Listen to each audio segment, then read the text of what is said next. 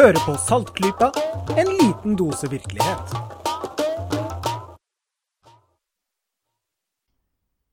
Velkommen til Saltklypa, episode 119.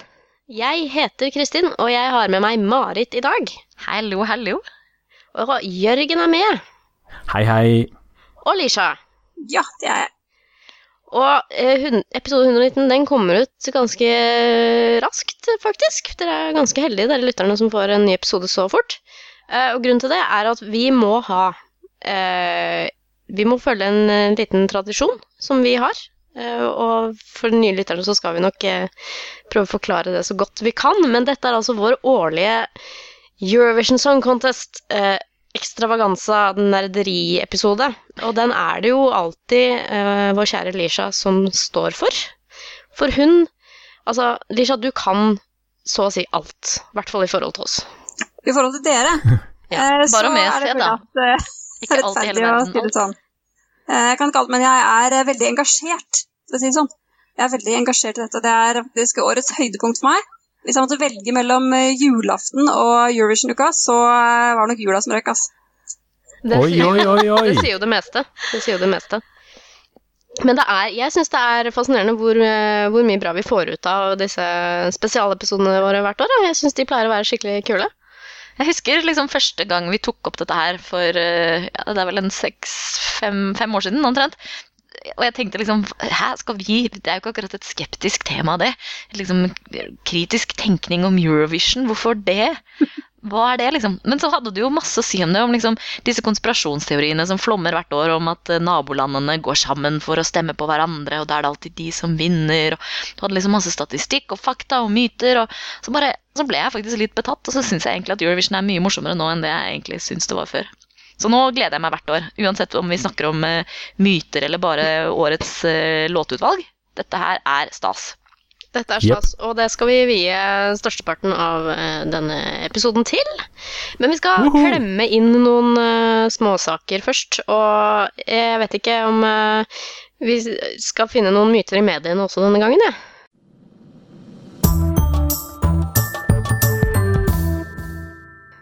jeg leste i hvert fall en ting i avisen i dag som jeg stussa litt over. Og det var at det sto at fire av ti nordmenn tror på djevelen. Den dukket opp på, i Facebook-filmen min en del ganger i dag. Dagbladet har skrevet det. Fire av ti. Ja, det har jeg så vidt sett. Kan det være, liksom? Hva tenker dere om det? Har dere, tror dere på det sjøl? Syns ikke dere det Jeg, jeg må innrømme at jeg, eh, jeg har en eh, relativt grei omgangskrets sånn Og jeg kan ikke huske at noen av de har hatt en sånn kjempestort forhold til Satan. Uh, Altså, jeg kjenner ti mennesker, og jeg er ganske sikker på at, ingen, at ikke, ikke fire av de tror på djevelen. Eh, Vi snakket jo for litt siden om eh, hvor mange her i landet som tror på Gud av den norske befolkningen. Og det var jo blant kirkens medlemmer, da, så var det jo omtrent fire av ti som trodde på Gud eh, av medlemmene i kirken. Så at fire av ti nordmenn generelt skulle da tro på hans motpart, eh, det høres for meg ganske pussig ut. Kanskje det er eh, veldig mange som ser på Supernatural. Og Ja, så ja, de lar Det er det flyte litt over i hverdagen. Nei, men det er jo faktisk eh, eh, Altså, det tallet var så sjokkerende fordi det var feil. Det var faktisk ikke riktig, dette tallet. Mm. Aha. okay. Det har skjedd en liten tabbe et eller annet sted i produksjonslinjen. Eh, Denne, dette tallet stammer fra en undersøkelse som Infact har gjort for VG. I forbindelse med at VG lager nå en serie om eksorsisme og den slags i Norge. Det kan jo være gøyalt å følge med på det. Det er jo et interessant tema å se hva som faktisk pågår. Det virker som en sånn gammeldags greie som man ikke tenker på lenger. Eh, Men det, men det fins jo i Norge. Eh, Men der står det altså rett under overskriften eh, i liksom vignetten til saken at eh, hei sann, vi har visst gjort noe feil tidligere i dag, så publiserte vi et litt større tall. Ja, det stemmer jo ikke. Faktisk så er tallene eh, at eh, 15 altså én av syv, tror på djevelen. Ifølge den undersøkelsen. Det er fortsatt et ganske høyt tall, da. Det er jo det. Ja, det er det. Mm. Altså at 15% tror på djevelen ja, Jeg skjønner det. Altså, hvis det spørsmålet er stilt på en måte som er ganske sånn åpent, så skjønner jeg at det kan stemme. Og så står det også videre da at omtrent 3% mener de kjenner noen som faktisk er besatt av djevelen. Det syns jeg også er ganske drøyt, fordi Det er jo ganske høyt tall. det er faktisk ganske Ja. ganske høyt tall. jo Og det er Men å det er sånn det ganske frikirkesamfunn, så tror de på besettelser over en lav sko, så jeg syns faktisk ikke det høres så veldig rart ut, jeg. Så kan vi håpe at veldig mange av de kjenner den samme personen. Ja. Men eh, det som slår meg også, er jo at uh, ofte så er jo besettelser noe som går over, eller som kommer og går. Så det er jo ikke sånn at Her er jo uh, i hvert fall teksten som er gjengitt uh, sånn som den står nå, så er det faktisk er besatt, ikke sånn har vært eller kommer til å være en gang i løpet av livet. Men, men. Det er riktig. Så det er jo fortsatt dramatiske tall, men de er i hvert fall ikke så dramatiske som Dagbladet ville ha det til. Og det godt er det, for der var det altså også 10% ifølge Dagbladet som mente at de kjente noen som er besatt. Det er også fryktelig høyt. Så det var godt at det var litt lavere. Fortsatt noe å snakke om, at det er et betydelig antall, men det var heldigvis ikke så ille som eh, opprinnelig meldt.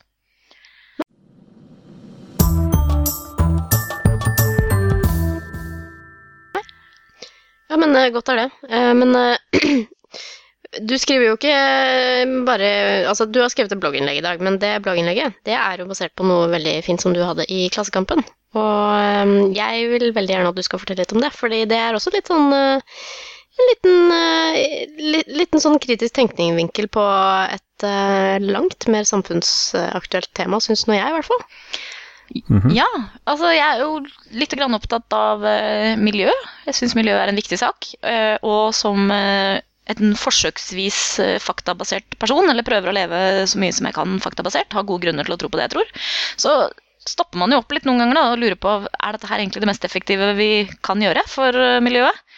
Og så så jeg i høst et eh, Dagsrevyen-innslag av en dame som drev med mm, sånn zero waste, altså nullsøppelbevegelsen. Det er en sånn Mhm. internasjonal bevegelse som også finnes i Norge. Eh, hun var på Dagsrevyen og viste hvordan hun handlet. Hun hadde med seg bomullsposer og Norges glass og sånn når hun gikk i butikken. Kjøpte fortrinnsvis løsvektvarer. Unngikk så mye hun kunne å finne varer, altså unngikk eh, varer som hadde emballasje.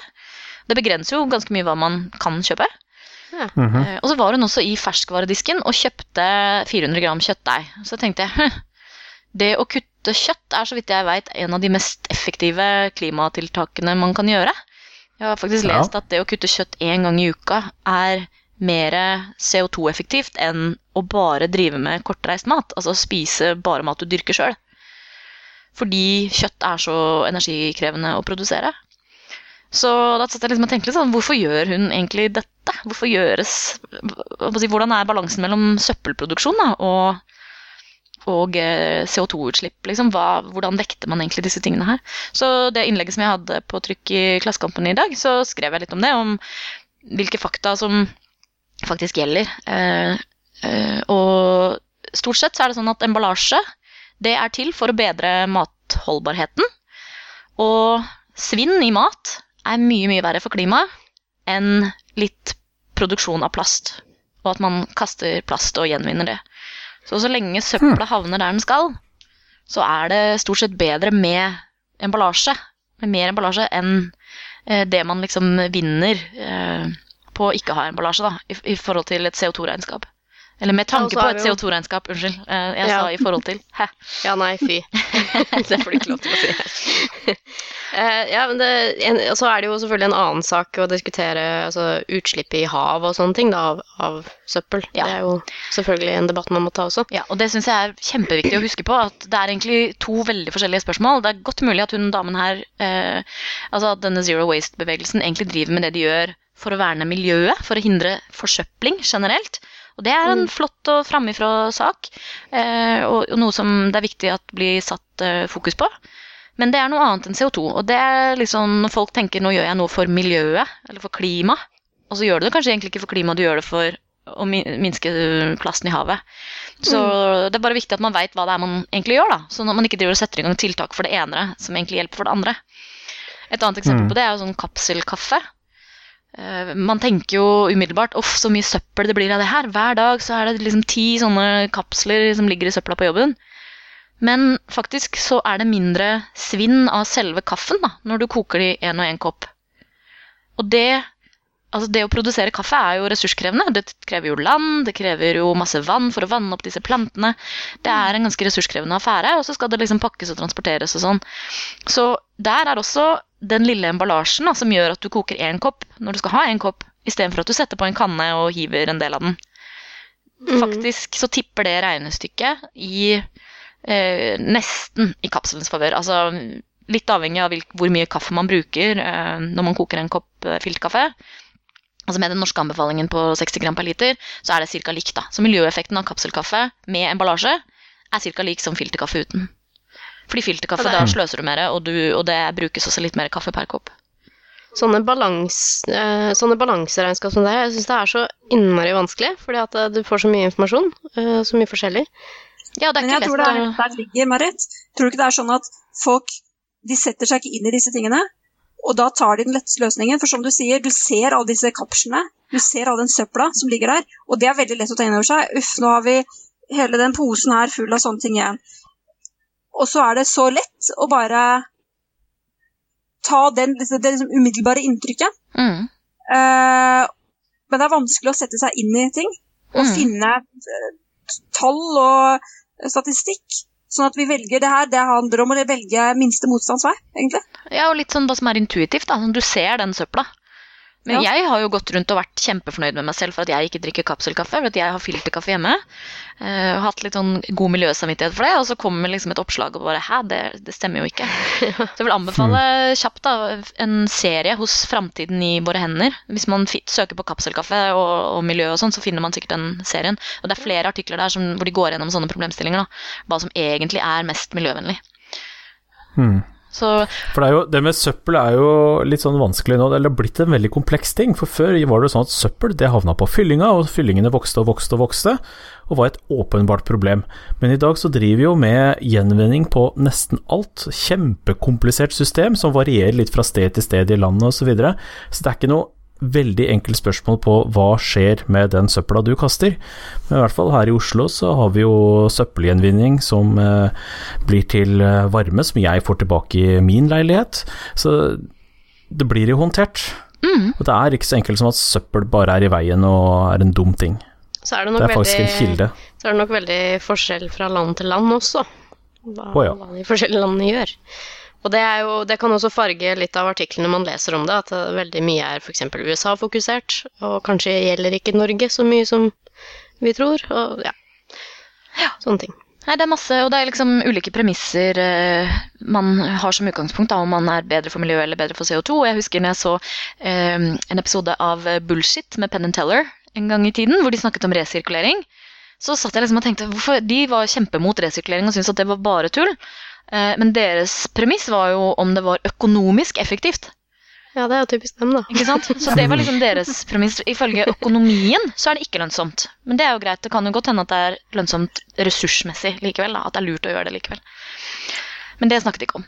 Så ja, det er eh, masse sånne ting å tenke på. Det er søren ikke lett. Eh, Vi får håpe at det blir lettere nå. At det kommer mer og mer informasjon som er lett tilgjengelig for folk framover. Ja, I hvert fall det jeg trakk ut av den artikkelen din, som jeg syns var veldig bra, det er at eh, det er ikke intuitivt hva som er bra for miljøet. Så det er veldig lett å havne på en eller annen fad hvor man uh, går veldig hardt inn for et eller annet, f.eks. unngå emballasje, og så var det kanskje ikke så gjennomtenkt. Og det er egentlig bare vitenskap som kan hjelpe oss. Og bare for å være bitte litt grann rettferdig med de som har vært mot emballasje, så bruker de ofte ordet 'unødvendig' foran ordet emballasje. De sier 'vi er mot unødvendig emballasje'. Men så, så Det er liksom ofte tittelen på liksom kampropet. da. Og så I teksten så står det ikke noe om unødvendig. Da er det sånn, det er da, da står det på en måte bare at vi trenger det ikke på frukt og grønt. Generelt. Eh, men de prøver liksom å si ja, men det står jo unødvendig. Ja, Det er greit, men veldig ofte så er på en måte Hva kampanjen. Ja, hva er unødvendig? Ja, Det er det jo noen som, som avgjør. Eh, og, øh, ja, og det er jo en norsk komité eksempel, som heter eh, eh, Næringslivets emballasjeoptimeringskomité, som sitter og samarbeider med Ja, den var jeg litt fascinert over. Det høres litt, som, litt, sånn, ut som litt sånn superråd, men ja. det er sikkert veldig nyttig. Ikke sant?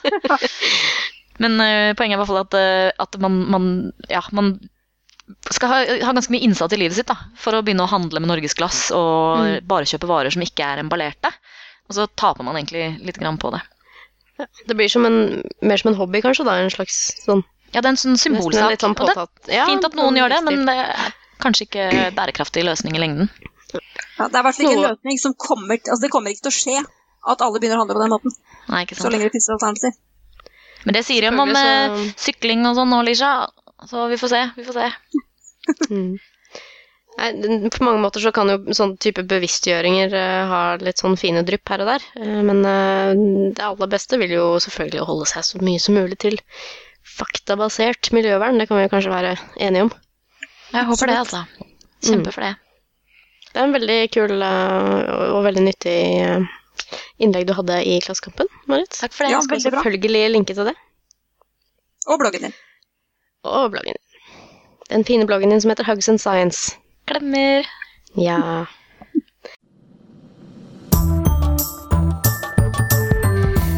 Eh, så er det litt mer sånn, litt sånn hemmelighold fra Alicia her nå, for hun hadde en litt sånn naturrelatert sak på tampen her. Eh, kan du gå litt i dybden på det, sånn før vi går over til saken vår? Ja. eh, Jeg har en sommerfuglsak. Oi. Alle elsker jo sommerfugler. Ja. Jeg regner i hvert fall med. De er så vakre og fargerike. Eh, og nå så er det et veldig, veldig spennende ting som har skjedd. Nemlig at forskere har Dette har jo mange klødd seg i hodet òg over mange, mange år. Eh, nemlig hvordan i alle dager er det mulig for monarksommerfuglene i Canada å fly til Mexico Ja. og tilbake? År etter år etter år etter år. Bare for å Hvordan gjør de det? pare seg i For å, ja, det er jo også for det er varmere der, ikke sant. Det blir for kaldt i Canada. Eh, og det skjønner man jo. Men da forventer man seg jo heller at de skal legge seg ned og dø, da. Etter å ha lagt eh, eggene sine i påvente av neste år. Men istedenfor å da legge seg ned og dø, så flyr de altså til Mexico og til til vinteren der. Fornuftig. Eh, ja, fornuftig. Og det har man lurt på lenge, fordi det er egentlig helt utrolig imponerende, disse dyrene. Altså, det er monarksomfugler, de finnes også eh, her i Europa, og de er jo ikke store. Eh, ja, hvor store kan de være da? Er sånn typisk sommerfuglstørrelse, er det ikke? Sånn. ja, For i norske forhold så er de store, da.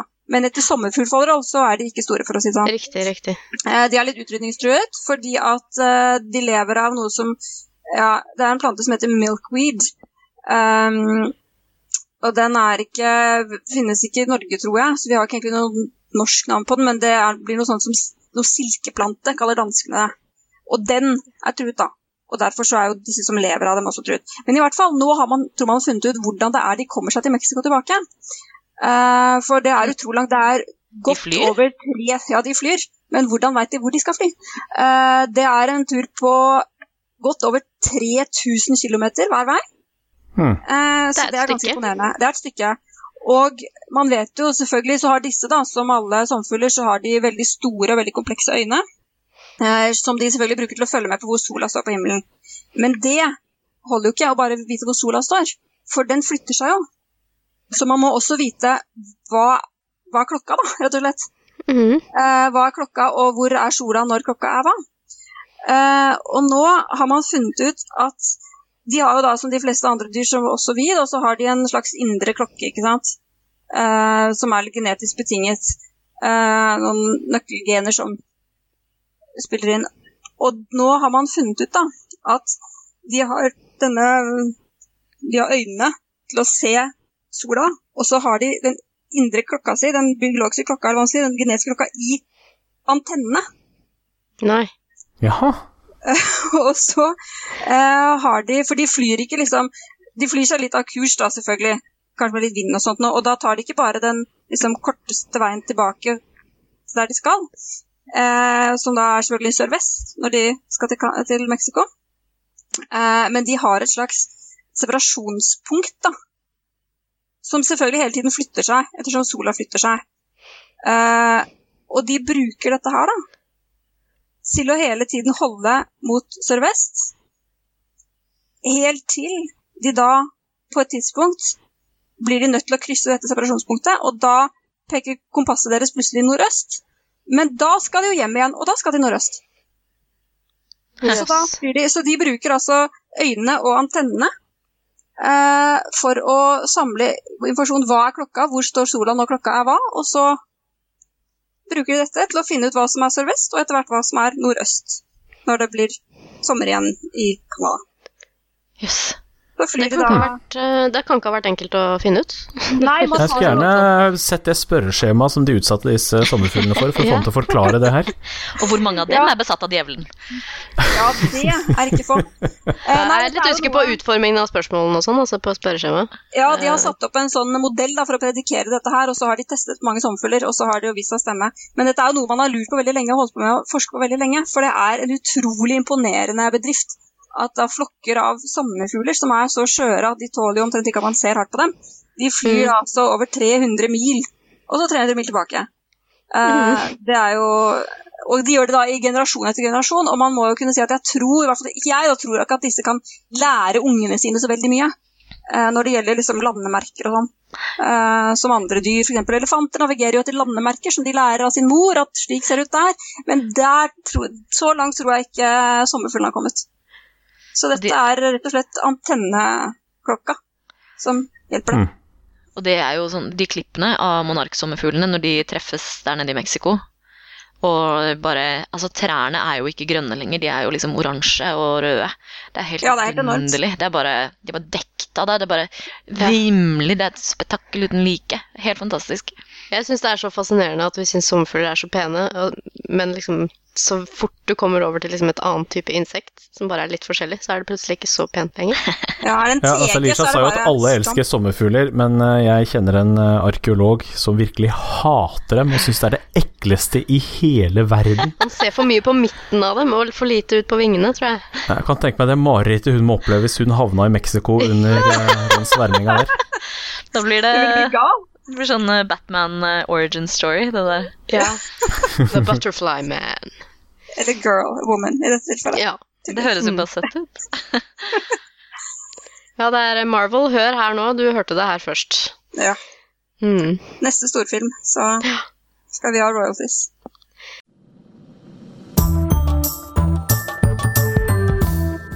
Men eh, dere, nå er jeg veldig spent på eh, hva vi har i vente til årets eh, store, store musikkhappening.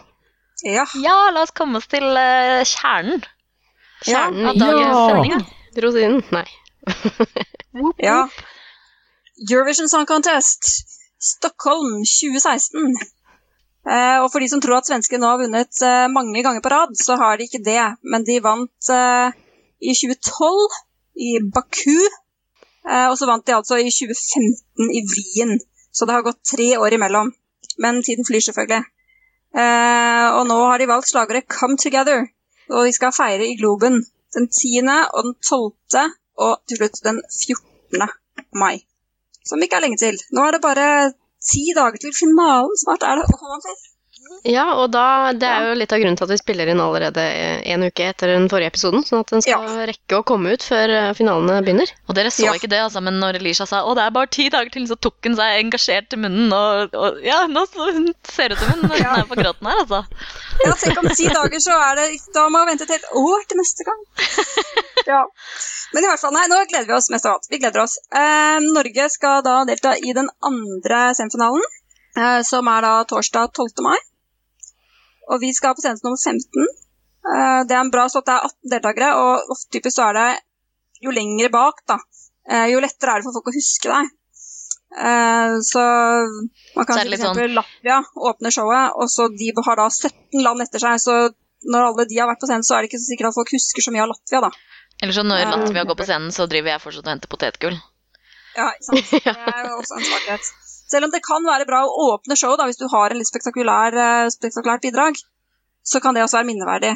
Så kanskje helt først, eller mot slutten, men ikke, så, ikke sånn i begynnelsen. De første liksom, fem-seks, det er ikke så bra. For det er ikke sånn som Eh. på Idol at de liksom setter opp sangene etter hvem som har en spektakulær låt først, da, og så en til sist. Det er liksom, det er loddtrekning eller noe. Ja, det er loddtrekning. Eh, bortsett fra at de skiller litt på det, sånn at vi, da eh, Nå kan jo ikke vi være i samme semifinale som Sverige, fordi siden de er vertslandet, så er de automatisk etter finalen. Eh, men vi skal helst ikke være i fin- semifinale med sånn for mange av våre naboer, da. Eh, men vi er nå med Danmark, og så er Island og Finland sammen i den forrige, fordi da stemmer vi bare på hverandre. ikke sant? Så man prøver etter beste evne å splitte opp for å hindre denne her eh, buddy votingen, da, som vi har snakket om tidligere. Hmm. Um, men det er, det er jo, Med to semifinaler så går det jo ikke an å splitte alle naboer fra alle naboer som de kan tenke seg å stemme på. Uh, så den er nok, uh, er nok ikke helt fritt for det. Men som jeg har sagt mange ganger før, så er det jo ikke nødvendigvis sånn at man stemmer på nabolandet fordi man ønsker å få dem frem. Dette her er jo i stor grad eh, tenåringsjenter som sitter hjemme med mobilen. Det står for 50% av stemmene våre hjemmestemmer. Uh, og da sitter man jo ikke og tenker på at uh, å, makedonerne er våre brødre, jeg må hjelpe dem. Ikke sant? Uh, de, de, prøver ikke å bygge opp gode politiske relasjoner, liksom? Ja, nei, Det kan nok være noe som fagdommerne, i hvert fall i visse land, driver med. Fagdommer, Fagjuryen selger jo 50% av stemmene også. men det som skjer, er jo når det gjelder folkestemmene, at naboland lager typisk musikk som naboene liker. Ikke sant? Serberne de lager musikk som bosnierne liker. Mm. Uh, det er klart at Bosniere stemmer ikke på Serbia fordi de syns at serbere er så flotte mennesker som de bare tigger. Uh, det faller vel på sin egen urimelighet. Det, ja, det gjør det. Men serbisk musikk har, finner gjenklang i Bosnia, ikke sant? og motsatt. Ja. Og derfor så stemmer de gjerne på hverandre, fordi det er en låt som De syns det er kul musikk? Ja. Mens kanskje musikken som britene lager, eh, skjønner de seg ikke på i samme grad. Selv om det var et dårlig eksempel, for britene Nei, britene sender jo bare dritt, så det var et dårlig eksempel. Uh, I år er det faktisk ikke så fullstendig gærent. Men generelt sett så vil jeg si at uh, lineupen er ganske svak i år. Uh, det, er, mm. det er jevnt i den forstand at det er ikke noen særlig låt som peker seg ut. For eksempel når Sverige vant, ikke nå, men forrige gang, så var det også ganske svakt felt. Og så Serbia var veldig gode, men det var en sånn tragisk ballade som de sang på serbisk. Det har de vunnet med før og skulle være vanskelig gjentas. Og så hadde Sverige én låt som Den var helt ufattelig bra. Den var liksom heads and shoulders over alle andre. Ja, det var så det var sånn åpenbart at her har vi vinneren, ikke sant. Men i år så er det ingen låter som peker seg sånn ut. Uh, så det Det blir forhåpentligvis spennende. Og odds, sånne bettingselskaper de har det også ganske så jevnt i toppen. Det er litt all over the place? Ja, det er det. De har litt uh, uventede land i toppen. For eksempel så har de Frankrike veldig høyt. Uh, men de har faktisk klart å De kan jo ikke gjøre det dårlig til i fjor, nesten. Uh, men de har faktisk klart å sende noe som ikke er helt håpløst. Oi, oi, oi. ja, så det er ikke ille. favoritten så langt, som jeg er glad for å se, det er Russland. Da. Jeg syntes jo at de burde ha vunnet i fjor. for jeg mener litt kontroversiell mening her. Jeg mener at svenskene skulle vært diska i fjor. Uh, jeg tilbøyelig til å være enig for det. Ja, fordi det skal, det står klart i reglene, det skal være en original låt. Og det er greit at ingen låter, poplåter i 2015 er helt originale. Det sier seg selv, for det har vært skrevet så ufattelig mye musikk. Men det er én ting å være liksom, inspirert, eller at det minner om noe, men det er en annen ting å kunne ta hele teksten og bare sette inn Altså bytte om tekstene fra to låter, så kan du like gjerne synge den ene den andre. Men ja. nå, må du, nå, må du, gå litt i detaljer, for jeg, jeg, husker at det var noe kontrovers der, men jeg husker ikke helt detaljene på det. Den svenske låta den uh, heter da 'Heroes', og ja, av Mons Selmeløv, som jeg var egentlig syntes det var litt traumatisk for meg at han vant med den låta, fordi han prøvde seg for noen år på siden. Uh, nei, han prøvde seg i Eurovision, eller rett sagt i Melodifestivalen, og han kom da på andreplass, og de sendte The Ark som var helt på trynet, helt forferdelig. Og han hadde en helt fantastisk låt. En fantastisk låt. Uh, det var jo den låta han skulle ha vunnet med. Men nå vant han altså med denne, som er helt så godt som identisk med uh, David Guettas 'Lovers and the Sun'. Jaha, ja. Det er altså samme låt. Du kan bare bytte om tekstene. Ja. Så jeg mente da i fjor at svenskene burde ha blitt diska. Og da, selv om det ikke var favoritten min personlig, da, min personlige favoritt, kunne jeg ikke ha vunnet. Eh, det skjønte jeg selv òg. Såpass innsikt har jeg eh, i problematikken. Men det, og det sto jo til slutt mellom Russland og Sverige, og da mente jeg at Russland skulle ha vunnet. Men det gjorde de ikke, det kom på andreplass. Men de har en veldig bra låt i år igjen, og er eh, stort sett favorittene, da. Hos de fleste. Yes. Bettingselskapene og sånn, altså. Så det er mulig at da håper jo jeg St. Petersburg i så fall til neste år. Um, for de var, har vunnet før da vi vant med Fairytale, så var Russland vertsland, og da var det Moskva. Ikke uventet, for typisk så er det jo uh, hovedstaden da, som blir brukt når man første gang uh, får være vertsland. Uh, men hvis man vinner flere ganger, så kan man jo, om man har byer, det har ikke vi, men det har Russland, om man har store nok byer, så kan man kanskje spre gleden litt, da. Eh, så nå er det Stockholm. Forrige gang de arrangerte, så var det i Malmö. Så svenskene prøver da å Ja, gleden eller byrden. Det blir vel ettersom man ser det. Ja. um, men jeg må nevne én ting da, som sikkert mange lurer på i år igjen. Uh, og mer i år kanskje enn noe år tidligere, og det er jo dette med at Hvorfor får de der være med, for de er jo ikke i Europa? Det er fordi at dette er ikke en konkurranse for europeiske land, men det er en konkurranse for medlemmer i Den europeiske kringkastingsunion. Yes. Og det er derfor Israel er med. Det er ikke fordi vi syns så synd på dem etter krigen, uh, men det er fordi deres rikskringkasting er EBU-medlem, akkurat som vår rikskringkasting, og også TV 2. Uh, og det er for det er jo ikke landet som er medlem, det er et kringkasting, en kringkastingsbedrift. Så vi f.eks. har to EBU-medlemmer. Uh, men det er da likevel flertall av land, eh, som f.eks. Saudi-Arabia, eh, som er EBU-medlemmer, men som ikke stiller i Eurovision. De har kanskje ikke helt stor interessen for det. Er de ikke så glad i For altså? Nei, det nærmeste man har kommet i den kulturkretsen her, det var at Marokko deltok en gang på 80-tallet. Ja, ja. Og de gjorde det helt ufattelig dårlig. Og da kom det et dekret fra kong, var vel kong Abdullah på den tiden, som befalte at Marokko skulle aldri mer delta i dette her. For meg, tenk For de hadde skjedd seg ut, og det skulle aldri gjenta seg. Så det ble kongelig forbud uh, mot deltakelse. Uh, men det finnes jo land som ikke, altså hvor EBU-medlemmer ikke deltar, men hvor de sender det, da.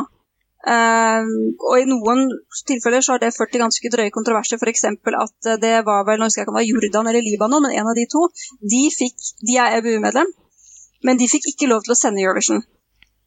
Fordi EBU-medlemmet deres er en eh, reklamefinansiert kanal. Og det er greit. Reklamekanaler kan også sende Eurovision. Da har de lov til å sende reklame eh, i pauser hvor det liksom er prat, hvor vertene står og snakker sant, mens de rigger bak scenen, f.eks. Mm. Men den, om det var Jordan eller Libanon, nå skal jeg da som sagt ikke si det for sikkert, de ønsket å sende reklame eh, under det israelske bidraget. Oi.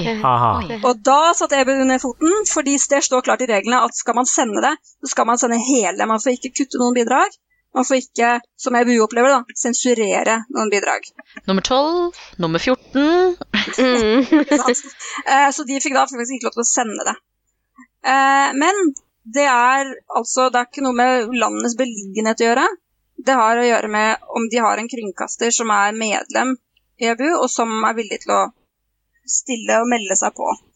Eh, Det er jo, koster jo litt å arrangere en tilfredsstillende utvelgelseskonkurranse, da. Og så er det jo, hvis man skulle vinne, så koster det jo også ikke så lite. Eh, Men det her eh, det forklarer da hvorfor typisk Israel ikke er med, men det forklarer også hvorfor vi nå har fått enda en deltaker. Vet ikke om dere husker i fjor, så var Australia med. Ja! Ja, ja. Ja, Det er gøy. Og det var, det var fordi de er helt sprø. Altså, australierne er helt Det er ville tilstander. ja! Alt er jo opp ned der nede. Elsker konkurransen. Og den går jo midt på natta hos dem. Så folk sitter og har fest midt på natta. Uh, for man må jo se det live. Uh, og I fjor så fylte konkurransen 60 år, og derfor så fikk de uh, lov til å være med. da. De var spesielt inviterte, og de fikk da gå rett i finalen.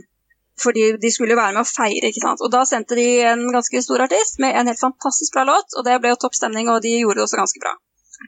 Eh, og Det har ført til at de faktisk nå i år får lov til å være med igjen. ja. Eh, men nå må de kvalifisere seg, som andre land.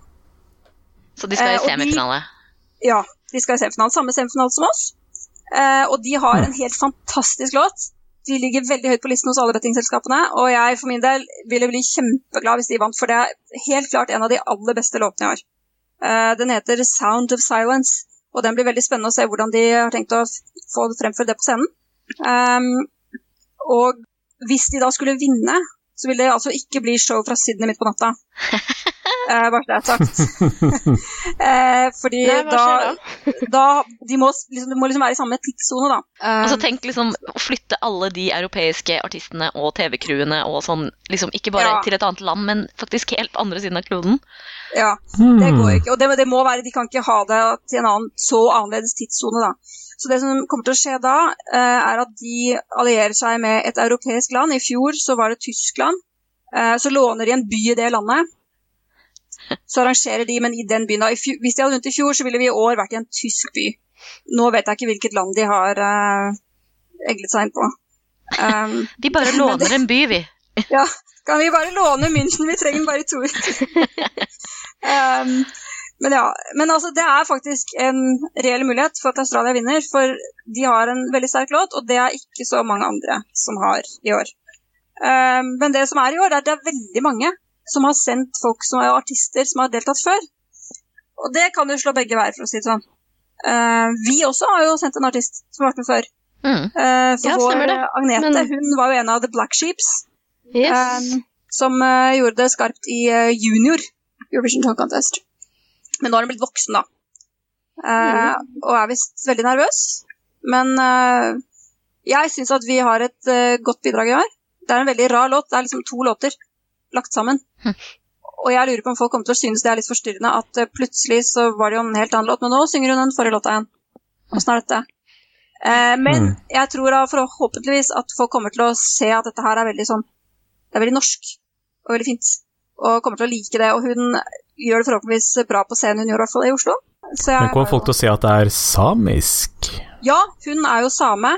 Og i den forbindelse så har dere kanskje fått med dere denne lille kontroversen om at det ikke vil bli lov å vifte med sameflagg under konkurransen. Ja, det har vært mye å snakk om. Ja. Grunnen til det, det er ikke fordi det er eh, en antisamisk organisasjon. Eh, og dette ville la seg gjøre Det vil altså endre med en regelendring. For det er ikke noe prinsipielt imot det, men det som er grunnen til det, er at de har regler for hva som kan flagges med. Eh, og det er bare to unntak som finnes fra den hovedregelen. Hovedregelen er at det må være flagget til en stat. Altså en nasjon med territorium. Og samene de har verken stat eller territorium det er flagget til en folkegruppe.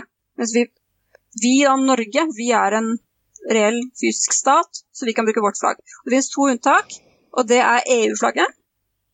Det kan også brukes. Mhm. Ikke så unaturlig, kanskje. Og så er det selvfølgelig regnbueflagget, som dere sikkert har sett så mange ganger. Og det er siden uh, halvparten av Altså, dette er jo verdens største pride-event. Ja. så hvis ikke regnbueflagg kunne brukes, så hadde det blitt ganske drøyt. Men sameflagget kan altså ikke brukes, fordi det er ikke noe unntak for det i den regelen eh, om at eh, det bare er nasjonalstater, så de godkjente nasjonalstatene, som kan eh, bruke sine flagg. Eh, men jeg tror at grunnen til at det ikke er noe unntak for det, er fordi det ikke har kommet opp før. For dette her har jo ikke vært en stor begivenhet i den samiske kulturen. Mm. det sånn. Og det har kanskje ikke vært Eh. så mange låter fra eh, nasjoner, altså fra liksom eh, folkegrupper og sånn, tidligere Nei. heller. Eh, og altså, du kan jo ikke representere samefolket, ikke sant? hun representerer jo Norge. Eh, så at hun da har en annen etnisk bakgrunn som er fra ikke sant? Ja. Når vi hadde ja, Haba Haba med Stella Mwangi, Mm. så flagget um, de jo hennes landsmenn kunne jo flagge for henne med Er det Kenya sitt flagg? Kenya, hun er fra Kenya. Eh, selvfølgelig. Fordi det er en nasjonalstat som har et autentisk flagg. Men her var det Så det er jo ikke det at du ikke får flagge med annet enn ditt eget flagg. Men det må jo høre til en stat, og det er jo det sameflagget ikke gjør. Hm. Eh, men samtidig så lurer jeg på hva skal de gjøre hvis noen i publikum plutselig løfter opp samflagget, Så tviler jeg på at uh, sikkerhetsstyrker kommer Kamera til å to! rushe inn Kamera to! og Jeg syns jeg ser at det liksom kommer en gjeng og bare bærer liksom vedkommende ut. Ja. Jeg har ikke helt troa på det, da, så i hvilken grad dette ut. fak- Altså, Ja, de altså, ser hvor de sitter, sitter, gjør, altså. så De har flere kameraer, som Kristin er inne på, men det de også gjør, da, er at det er eh, tre generalprøver. Og den, Mm. den viktigste av dem, da, som er på fredag kveld, altså dagen før finalen, den blir filmet. Uh, og der skal alt være helt nøyaktig som i finalen.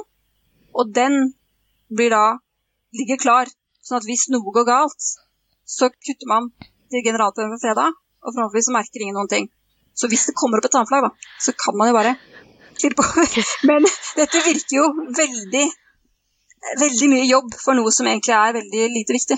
Ja. Uh, så jeg tror rett og slett det bare handler om at det har aldri vært aktuelt før, og derfor så finnes det ikke noe unntak fra, for den regelen, men det Ja.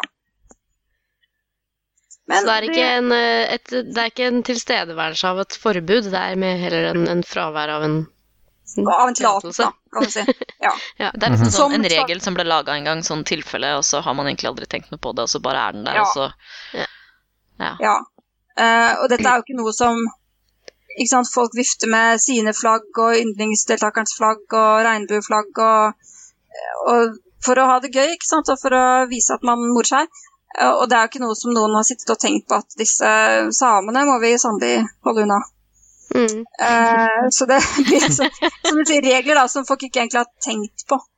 Ja. At det kunne være noe aktuelt da. det har en konsekvens. Men Ja, er jeg har jo ikke så veldig Jeg har jo, som kanskje de andre her, ikke så veldig stor oversikt over årets uh, greie. Og du har nevnt én kontrovers, men jeg har, jeg har liksom hørt rykter om en annen kontrovers som jeg bare har liksom sett, i, bare sett sånn i bakgrunnen. Jeg sk stemmer det at det er en fyr som skal opptre med en ulv og helt uten klær i år?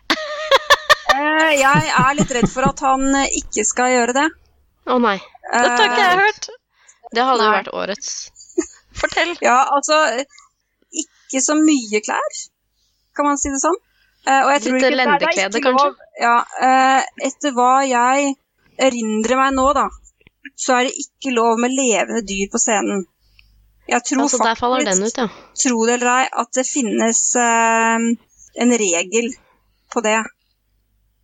Det er, høres jo litt merkelig ut.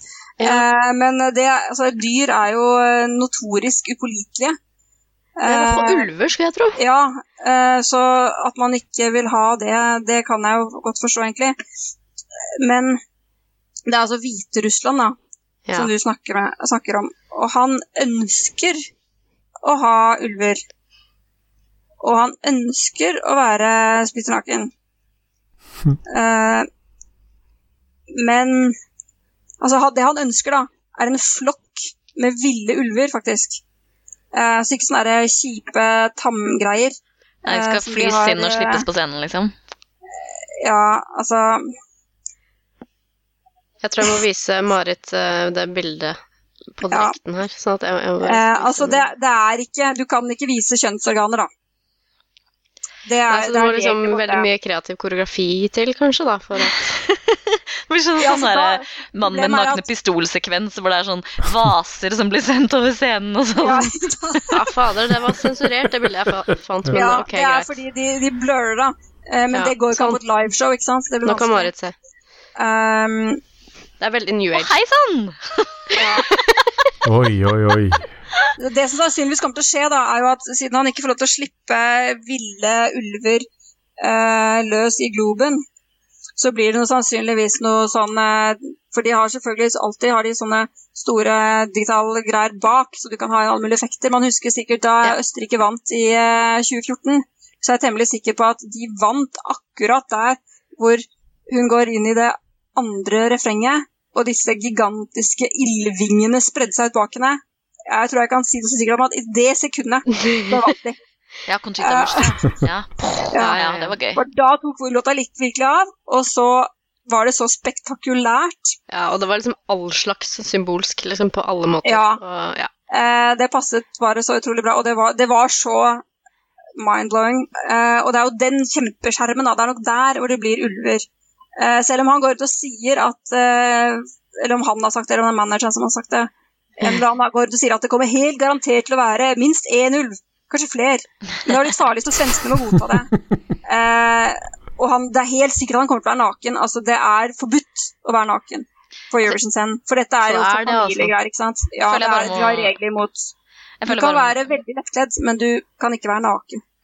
jeg føler bare med å beskrive dette bildet her. Det ser ut som et sånn promobilde som er tatt i en eller annen sammenheng. Og det sitter altså Det er altså en uh, slank, uh, naken mann med langt, lyst hår som går godt stykke ned på ryggen, som sitter på huk med eh, Altså litt vekkvendt, da, men ansiktet mot oss. Og så er det da en ulv som står på Altså med forlabbene på knærne på kneet hans. Og liksom Det hele er veldig sånn eh, liksom, det, er, det er albumcoveret til en New Age-plate, føler jeg. Ja, det er sånn Call to Nature-greie. Ja. Dette Veldig, blir veldig veldig spennende å se. Nå må jeg helt klart se på hele showet. Er de i Det er en semifinale, enkel eller måte er du de i kan løse dette her på. Ja. Er de, er de i semifinale, eller er de i finale? Nei, de er i semifinale. De er i samme semifinale som oss, altså på torsdag. Så da slipper du med, igjen. Jeg har en eh, mulig måte de kan løse dette her med ulvene og nakenhet og sånn. De trenger jo bare å ha symbolsk ulv, bare øh, flå en ulv og ha en pelsdott, og så plasserer han det i skrittet, og så får han pels på knaggen. Unnskyld, jeg bare måtte. Og så får han dyreverneren på nakken. Så har han liksom fulgt Ja, jeg vet ikke om de bryr seg så mye om det i Hviterussland. Eh, det men ja, eh, dette er hva det han påstår, da. Men det er klart, han får veldig mye PR på det. Eh, men jeg skal nå se det før jeg tror det.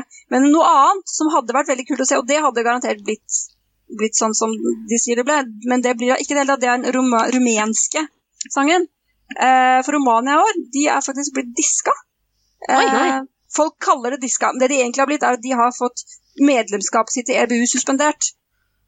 Og Oi. derfor så får de ikke delta. Og det er synd, fordi hvert år da, så er det gjerne ett bidrag som er helt fullstendig bort i staur og vegg, fullstendig på trynet, og du sitter der og bare tenker at nå må mora hans være flau. Og det var det rumenske bidraget.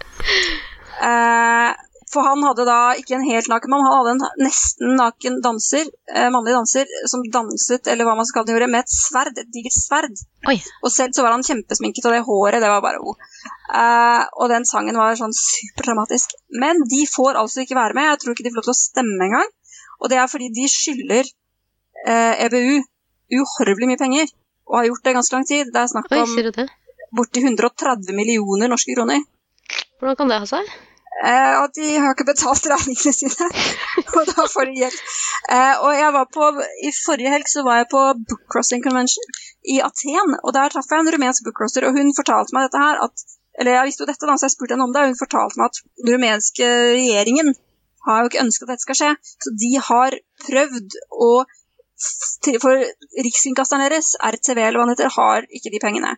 Og regjeringen har prøvd å trikse de pengene over på et eller annet slags vis eh, til dem. For dette er jo da utenom budsjett og greier, men det har de ikke klart innenfor eh, den rumenske lovens rammer eh, i tide, da. Så de hadde ikke penger og fikk ikke betalt, så nå får de ikke være med. Åh. Og det kan jeg ikke huske at det har skjedd noen annen gang, så det er, og det var veldig synd for akkurat det bidraget der. Høres Eh, jo helt kunne bananas ut. å Altså, det var, dere kan se det på YouTube. Det var uh, veldig spesielt, og det var nok årets uh, Hva i alle dager-bidrag. Eh, men nå blir det Det må jeg sjekke. Ja, nå, vi, har, vi eh, håper at Hviterussland har, kan, eh, kan troppe opp og være en, en, en verdig erstatter der. Fordi Ja, vi må jo ha noe eh, Helt sykt. hårreisende. Ja. Ja. Eh, det er jo alltid noen sånne låter hvor du rett og slett Du får ikke med altså Sangeren eller fremføringen eller scenografien er så vi si, aparte at du rett og slett ikke får med deg låta. Nei? Ja. Ehm, og Tyskland er jo sånn i år, da, hvor de har faktisk en skikkelig bra låt, og de har en veldig spennende scenografi. I hvert fall hadde de det i sin uh, egen utvelgelse. Jeg vet ikke om de bruker den samme i uh, Stockholm, men det er jo sannsynlig. Men de har en sanger som er og den Scenografien var en veldig sånn dramatisk skog, da. Liksom. Og så har de en sanger som er veldig opptatt av dette her eh, japanske Lolita-stilen, og alltid Ja. kler seg sånn. Eh, og det er liksom booken hennes, da. Har fansen hennes fortalt meg på YouTube etter at jeg slamma dette her litt. Uh, men uh, det ser Jeg syns jo da det, det passer Har ingenting Kostymet hennes og utseendet hennes har Det passer overhodet ikke til låta, og det passer overhodet ikke til scenografien. Skjønner. Så de, i min oppfatning, ødelegger noe som kunne vært et godt bidrag. Ved at hun Dere ser jo for dere en sånn derre uh, Gothic Lolita-greie, ikke sant, med disse kjolene og Ja. Og jeg syns jo ikke det ser ut i måneskinn. Eh, annet enn når det kanskje, hvis det er litt sånn Sean Knife-aktig poplåt, jeg vet ikke. Men det er det ikke. Det er ikke det. Eh, og hun har da ikke vært villig til å endre på sin look, da. Så den skal passe med låta. Eh, Så det også blir et bidrag hvor du kommer til å glemme å høre på låta. Fordi du blir helt fascinert av hvor utrolig dette har jo, Hva har dette med saken å gjøre? Og svaret er det har ikke noe med saken å gjøre, men innen du rekker å finne ut det, så er jo låta over, for de varer bare tre minutter. Eh, men vi skal kanskje begynne å runde av her litt. Men det er en annen veldig spennende nyhet som jeg bare må dele. Eh, og det er at dette her har jo tatt sin tid, da. Dette har tatt 61 år. Men endelig skal det skje at nå skal faktisk Eurovision Song Contest gå på TV i USA. Skal det det? Oi, oi, oi. Ja, det skal Nei, det i år for første gang. Så forvirrende det må være for dem. Ja, det er jo morsomt når amerikanere første gang blir kjent med Eurovision Song Contest, så er det noe som de uh, De klarer ikke helt å ta det inn over seg. Nei. Nei, Nei. det, det er jo egentlig ganske morsomt hvor sprøtt det er. Og så at vi bare har vokst opp med det, så, så tenker man ikke over at det er noe å tenke over i det hele tatt. Men jeg husker jo det. Så John Oliver sin eh, Last Week Tonight-episode om eh, Eurovision eh, fra for et år siden, eller det må ha vært to år siden kanskje, da. Eh, hvor han liksom snakket om at ja, her har vi altså eh, Russland og Ukraina står på samme scene noen minutter unna hverandre, og tekstene deres handler jo åpenbart om den eh, eh, internasjonale konflikten som pågår i Europa akkurat nå. Annekteringen er liksom, ligger, rund, ligger mellom linjene, og alle bare fester og har det gøy! og så bare beskriver han det på en helt utrolig måte. Det høres jo ja, det er sånn antropolog fra Mars kommer på besøk. Ja, det er litt eh, Ja. Jeg tror det er eh, Altså, for de, som, for de som ikke er inne i det i det hele tatt, så er det jo et ganske absurd påfunn. Ja. En mann med skjegg og tvillinger med f håret flettet sammen, og en mann som løper i et hamsterhjul. Det, det er Ja. ting som han refererer til, f.eks. i det klippet. Det er jo mange amerikanere som ikke er særlig eksponert for eh, europeisk kultur generelt, og har fått med seg Eurovision og tror at det liksom er eh, Representativt. representativt for hva Europa er, rent kulturelt. Ja, du kan jo si det på den måten også. Ja. Men det som jeg har hørt fra noen amerikanere, er at de syns det er på en måte veldig koselig at alle landene treffes. For de er jo ikke vant til De er, har et sånt gigantland hvor de har alt. Så de tenker ikke nødvendigvis så mye på naboland og sånt noe. Eh, men dette her er jo for en del av dem syns de er veldig koselig. Eh, og særlig, og det er noe som jeg også liker veldig godt, denne mot slutten når man skal stemme. Og de ringer fra i dette tilfellet Globen da, eh, og kontakter alle. Og da sier de på sitt gebrokne engelsk fra alle Europas hovedsteder at Hello, Stockholm, this is Ljubljana calling. Eller hva det måtte være. Og Dublin og Jerusalem. Og Roma og Oslo og alt mulig. Og så Takk for et fantastisk show, sier de. Ja. Og så står de der, så bare hva de har på seg. Vet du hva, Jeg syns det er så koselig. Men det er klart, det er, det er veldig merkelig for amerikanerne, og de har aldri det har aldri vært vist på TV der før, men nå skal det altså gå live. Det blir jo da, For oss da, så blir det jo en, en kveld, en uh, night of excitement, men for dem så blir det mer en ettermiddag, da. For det må jo gå live, og da blir det blir, blir omtrent i tretida. Eh, men det blir faktisk en ganske stor greie, fordi den kanalen som har kjøpt rettighetene, det er en kanal som den er ikke noe særlig kjent her, den heter Logo. Eh, det er Viacom som eier den, som er altså samme som eh, Comedy Central og MTV og sånn. Eh, og den kanalen, den er da Dette kommer ikke som noe sjokk på dere, den er spesielt rettet inn mot LGBT-markedet. Eh, Ah, Ja, ja. men alt sånt er jo Altså, alt er stort i USA, så de har noe sånt som 50 millioner husstander. Ja, det er det ganske er- mye. Det er ganske heftig, så det er ganske mange som har mulighet til å se det. Og forhåpentligvis så vil jo disse etter hvert gjøre som vi, at vi samler oss hjemme hos hverandre. Uh, og deler gleden over denne Se på de rare europeerne. Ja, ikke sant? Eh, men altså, mange av amerikanere har jo også vært i USA, og kanskje de har vært i USA, så, har de selvfølgelig vært i Europa, og kanskje besøkt eh, noen spesielle land som de føler seg spesielt tilknyttet til. Så kan de heie på det landet. Kanskje de har opphav i et eller annet. Irske amerikanere eller italienske amerikanere. Ja, det har de jo som vi De har jo mange av dem. Så Yes. her er det jo mange muligheter for at uh, gjennom noen år, da, når de får akklimatisert seg til dette her For jeg vil jo tenke meg at det første året, hvis de setter seg ned da lørdag klokka tre og tenker nå skal vi, dette var visst veldig populært i Europa. Det er sikkert noe fint kulturelle greier. Noen fioliner Eh, og noe Klassisk og Så den første tiden da, så vil det kanskje bli litt vanskelig som sagt, å ta det helt innover seg. Eh, Men det er, det er en tilvenning, for det er som du sier, Marit, vi har vokst opp med det, så vi mener at det er helt normalt. Eh, Men sett utenfra så er det nok litt rart. Eh, Men det er bare en tilvenningssak. Og nå i år så skal amerikanerne da begynne sin tilvenning til Eurovision Song Contest. Og det Da ønsker vi. USA lykke til. Velkommen inn i varmen. Ja. Det blir stas. Men du, Lisha, du er jo ehm, Det er jo ikke bare her på Saltklypa du, du snakker om Eurovision hvert år. Du har jo Nei. også Du blogger om det, og du lager eh, YouTube-videoer om det. Du gjør vel det i år òg, regner jeg med? Ja, ja. Det ligger, Gå på YouTube-kanalen min, så ligger det én video for hver låt hvor jeg deler mine eh, kanskje ikke så dype tanker, men i hvert fall mine tanker eh, om dette. Og eh, ja, få litt ymse tilbakemeldinger. Det er alltid veldig morsomt å se på sånne eh, likes og dislikes på de, for det er alltid Hvis jeg ikke liker så er det et land, hvis jeg ikke liker det landets bidrag, så får jeg masse, masse, masse, masse downvotes. Og det har skjedd i år igjen. Det er Polen. Uh, polakkene de elsker sitt land, og de er stolte av bidraget sitt, samme hvor kjipt det måtte være. De sitter på YouTube. YouTube. Ja, de er på YouTube. Det er de virkelig. Så den har jeg masse masse, masse på downvotes. Fordi de liker ikke at jeg ikke er superfan av låta deres. uh, mens derimot tyskeren, som var veldig fan av denne Lolita-jenta, og ikke likte at jeg ikke skjønte greia, han ga meg likevel en thumbs up fordi det var et fair review. Selv om han ikke var enig. Mm. Det syns jeg var litt bra, da. Uh, det var en, eh, en tysker, uh, Ordnung Nungmostein. Så bare kjapt spørsmål. Hvor, hvor stort er dette her egentlig på YouTube? Når du snakker om at du har fått masse, masse tomler og sånn, hva slags størrelsesorden er det? Altså, jeg er jo bare en eh, liten, ubetydelig blogger som ikke er på langt nær så aktiv som jeg burde være, osv., osv. Men de Så- mest populære da, kanskje? Er det Eh, liksom eh, sånn som altså- de største sminkevideoene som har noen millioner eh, hits, eller er det Altså, de, den, det er jo en offisiell Eurovision-kanal. Eh, hvor de legger ut alle bidragene, selvfølgelig både Der kan du se i HD fra de forskjellige landenes eh, lokale konkurranser, da, og det kan ofte være veldig underholdende. Eh, og selvfølgelig alle de offisielle musikkvideoene, og i selve Eurovision så er det masse sånn bak scenen, ikke sant.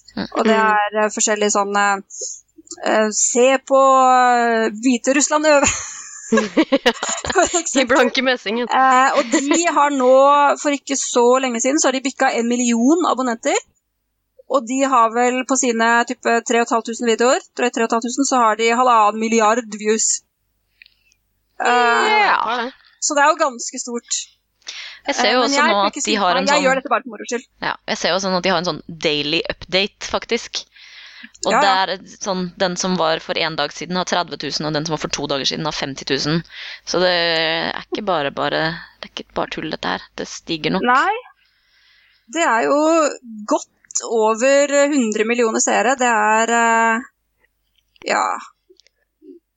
Det er, amerikanere vil kanskje være litt grann uenig, fordi de mener jo at eh, Superbowl er eh, verdens største cell television event. Eh, men Ja, det var det.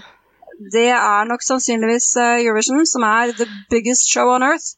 Eh, med da, det, I fjor tror jeg det var noe sånt som 120 millioner. Uh, som Det er jo helt der. vilt. Ja. Det skal svært, ass. Så når man da eh, er sur på f.eks.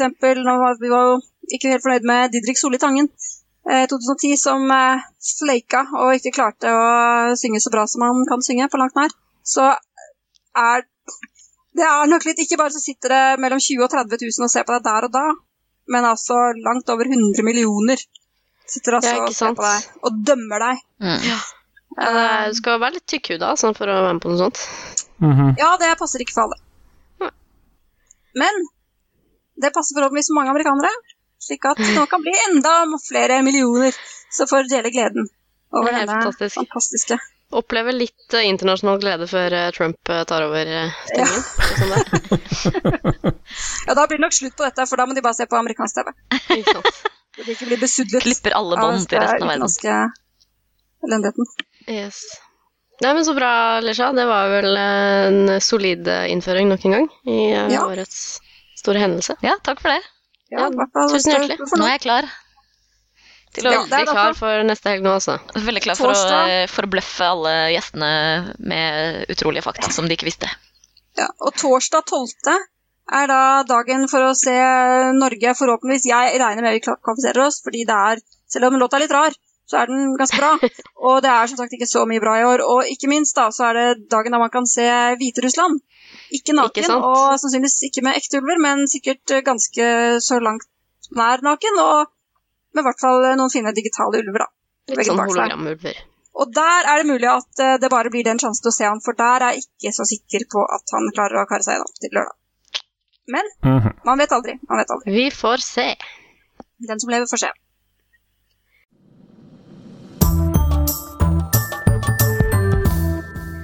Helt til slutt i dag så tar vi med oss en anbefaling eller to. Eh, Jeg har i hvert fall én. Eh, På førstkommende tirsdag når denne episoden kommer ut.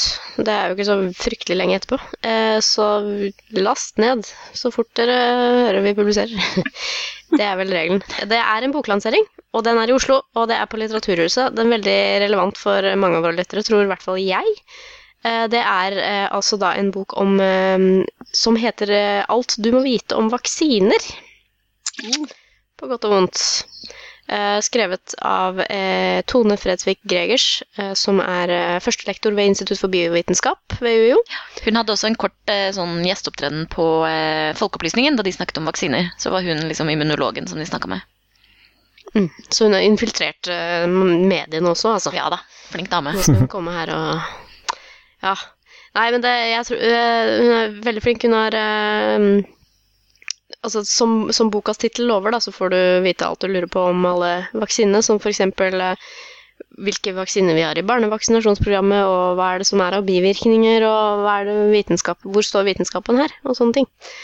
Eh, det er jo noe i hvert fall eh, jeg tror at samtlige av oss i Saltgruppa er veldig interessert i. For det er jo mye, mye rart som pågår i pseudovitenskapens verden rundt dette her også. Ja. Så Men- 10. Men mai Kristin, ja, det kolliderer jo med en semifinale! Ja, det gjør det jo. Men, Ja. men når er det den semifinalen begynner? Det er, Den det er begynner, til å si det, den begynner ikke før klokken ni på kvelden. Da får man det med seg, for dette her er Alle klokken 18 Klokken Ja, så trekker klokken begge deler. på Litteraturhuset. Ta, slå to fluer i en smekk, få med dere nyttig eh, info om vaksiner. Og eh, avslutt kvelden med mm, god musikk. Og hvis du ikke er i Oslo, så kan du bare kjøpe boka. Det er sant. Det er veldig sant. Jeg skal linke til linken. Den kommer ut på Humanist Forlag. Og så kan jo jeg også nevne da, at eh, det nærmer seg i dag, faktisk i dag når vi tar opp dette her, så er det jo eh, May the fourth be with you. Og. Star Wars Day. Star Wars Det Day. glemte jeg å nevne. Og i morgen er det Return of the Fifth. Det er det også, ja. Uff a meg. Uh, ja, uh, og i slutten av mai så er det jo en annen nerdehøytid. Det er det. 25. Ja. mai, nemlig. Da er det Er det noen som vet hva det er? Det er Towel Day. Ja. Towel Day! For man skal alltid ha med seg Håndkledagen. håndkle. Ikke sant? Eh, det er da en eh, liten feiring av eh, Douglas Adams og Hitchhiker's Guide to the Galaxy. Eh, og hvis man vil vise at man er en god nerd, så bærer man på et håndkle på den dagen. Så det vil jeg anbefale. Og i hvert fall også i Oslo så blir det et skeptikertreff den dagen. Hvor vi kanskje til og med går og spiser på den restauranten som heter Hitchhiker, bare for moro skyld. Mm. Eh, eller noe sånt noe. Og man kan jo tenke på om det er noe man kan gjøre i sitt eget eh, lokalmiljø også. Mm. Hvis det er noe kult og geekete dere kommer på ellers i landet som dere har lyst til å samle folk til, så kan dere godt eh, la det gå gjennom oss. Så kan vi prøve også å spre det litt. Mhm. Mm, absolutt.